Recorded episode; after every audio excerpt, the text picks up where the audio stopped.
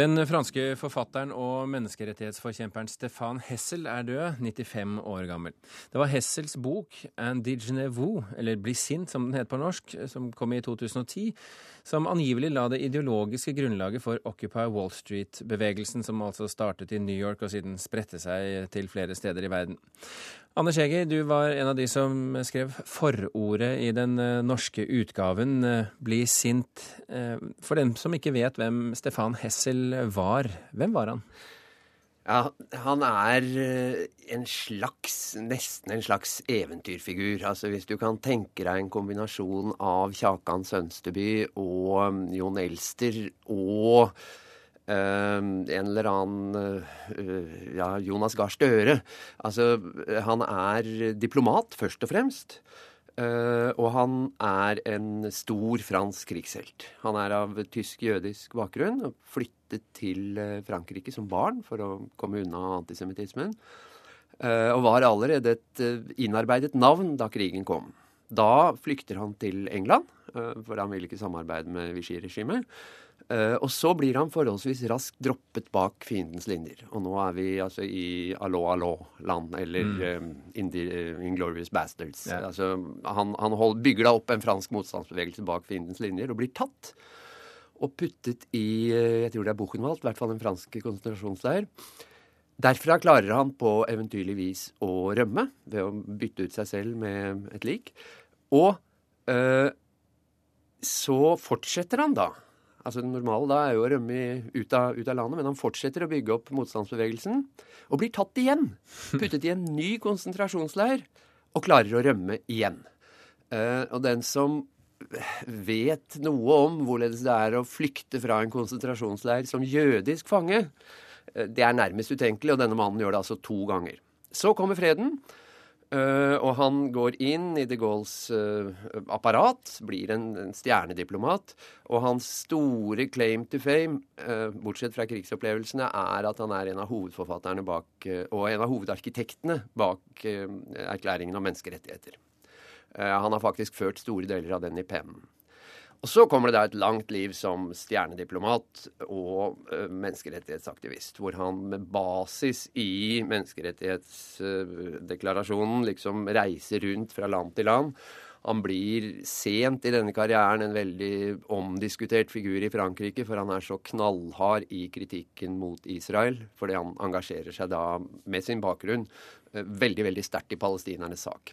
Er, han, han, kjemper for de undertrykte hele veien, gjør han ikke riktig, det? Riktig. Han har et slags gjennomgående premiss. Og det er jo nesten rart at han, han er jo så nær aktivisten hele tiden at han allikevel fremdeles beholder status som en, som en liksom, med en lysende sånn ambassadørkarriere ved siden av. Uh, en så kontroversiell mann ville i andre systemer altså Her er vi inne på noe typisk fransk. Blitt for kontroversiell til å, til å handle. Men, men han klarer altså dette. Men grunnen til at jeg sitter her, går jeg ut fra, og, og, grunnen til at han virkelig er blitt eh, berømt langt utenfor landets grenser, og uavhengig, eller ikke uavhengig av sin livshistorie, men, men liksom at han nådd eksplosivt nivå, det er en sak han skrev da han var 93 år gammel. Som, som du sier, heter på norsk 'bli sint'. Den korrekte eh, oversettelsen er 'bli indignert'. Og det er en liten flis av en bok. Det er knapt en bok? Ja, knapt en bok. Egentlig er det en lang artikkel. 15-16 sider, vil jeg tro, i en vanlig magasin. som altså er bare en repetisjon av det tittelen sier. Det er på tide å være indignert. Og når en franskmann med den, det type språk sier indignert, så mener han vel kanskje noe mer i retning av sinte og gjør opprør? Ja, uh, du er inne på en stor, interessant oversetterdiskusjon der. Fordi, Vi lar den ligge. Ja, men, men, men, altså, engasjer deg er vel kanskje riktigere et, et, et, uttrykk. Altså, det er et slags opprop til ungdommen. Hvor han jo trekker direkte på sine erfaringer av å sette eh, både liv og eh, livshistorie inn for å gjøre det som er riktig i en situasjon der verden står overfor store utfordringer, og gjøre det med engasjement. Altså Du kan si han treffer akkurat i den eller han tar et oppgjør da, med det som har gått som en sånn greie siden slutten av 90-tallet. Ikke minst her i Norge, hvor man sier litt sånn saklig, kjølig at det verden trenger, er de kalde hjerter, ikke de varme Nei, de kalde hjerner, ikke de varme hjerter. Uh, hvor han sier nei, det er engasjementet som trengs. Det er gå inn på de undertrykte side, engasjer dere, og ikke finn dere i mer av det som foregår. Han, han uh, har solgt 4,5 millioner eksemplarer av denne pamfletten. uh, den er solgt i over 35 land. Ja, Hva forteller og, det deg? Nei, Som forlegger er det jo en ganske typisk historie, egentlig. den ble trykket, så vidt jeg vet, i 4000 i førsteopplag, som i Frankrike er et forholdsvis moderat førsteopplag. Og så er det da et eller annet som gjør at det er direkte riktig innspill til riktig tid. Og den, den, flammer jo liksom opp som et fenomen. Uh, og én ting er at den jo når en sinnssykt masse lesere.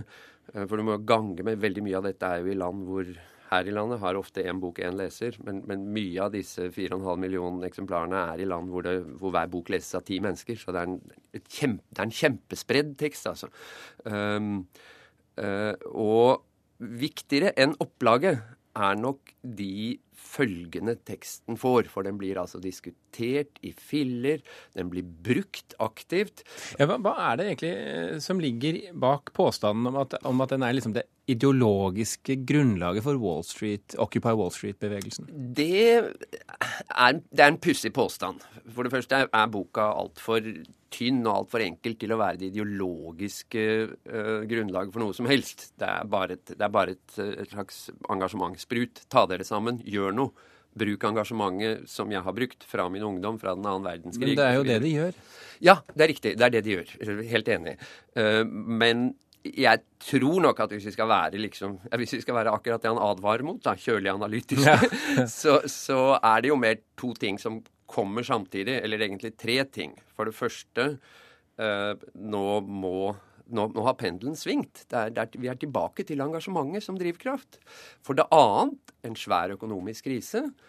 Uh, og for det tredje at han er uh, riktig mann for opprørsbevegelsen. Altså, Han er det de trenger. Han er, som du sier, Det er jo det som ligger bak Occupy Wall Street. Og ikke minst når dette treffer Europa. Altså, han, han, blir jo brukt. Det finnes jo massevis av bilder av uh, opprørere i Spania og Sør-Frankrike som bærer denne gamle mannens kontrafei på T-skjortene sine mens de går i antikapitalistiske uh, demonstrasjoner. Det er, det, er, det er en veldig rørende bokhistorie, egentlig.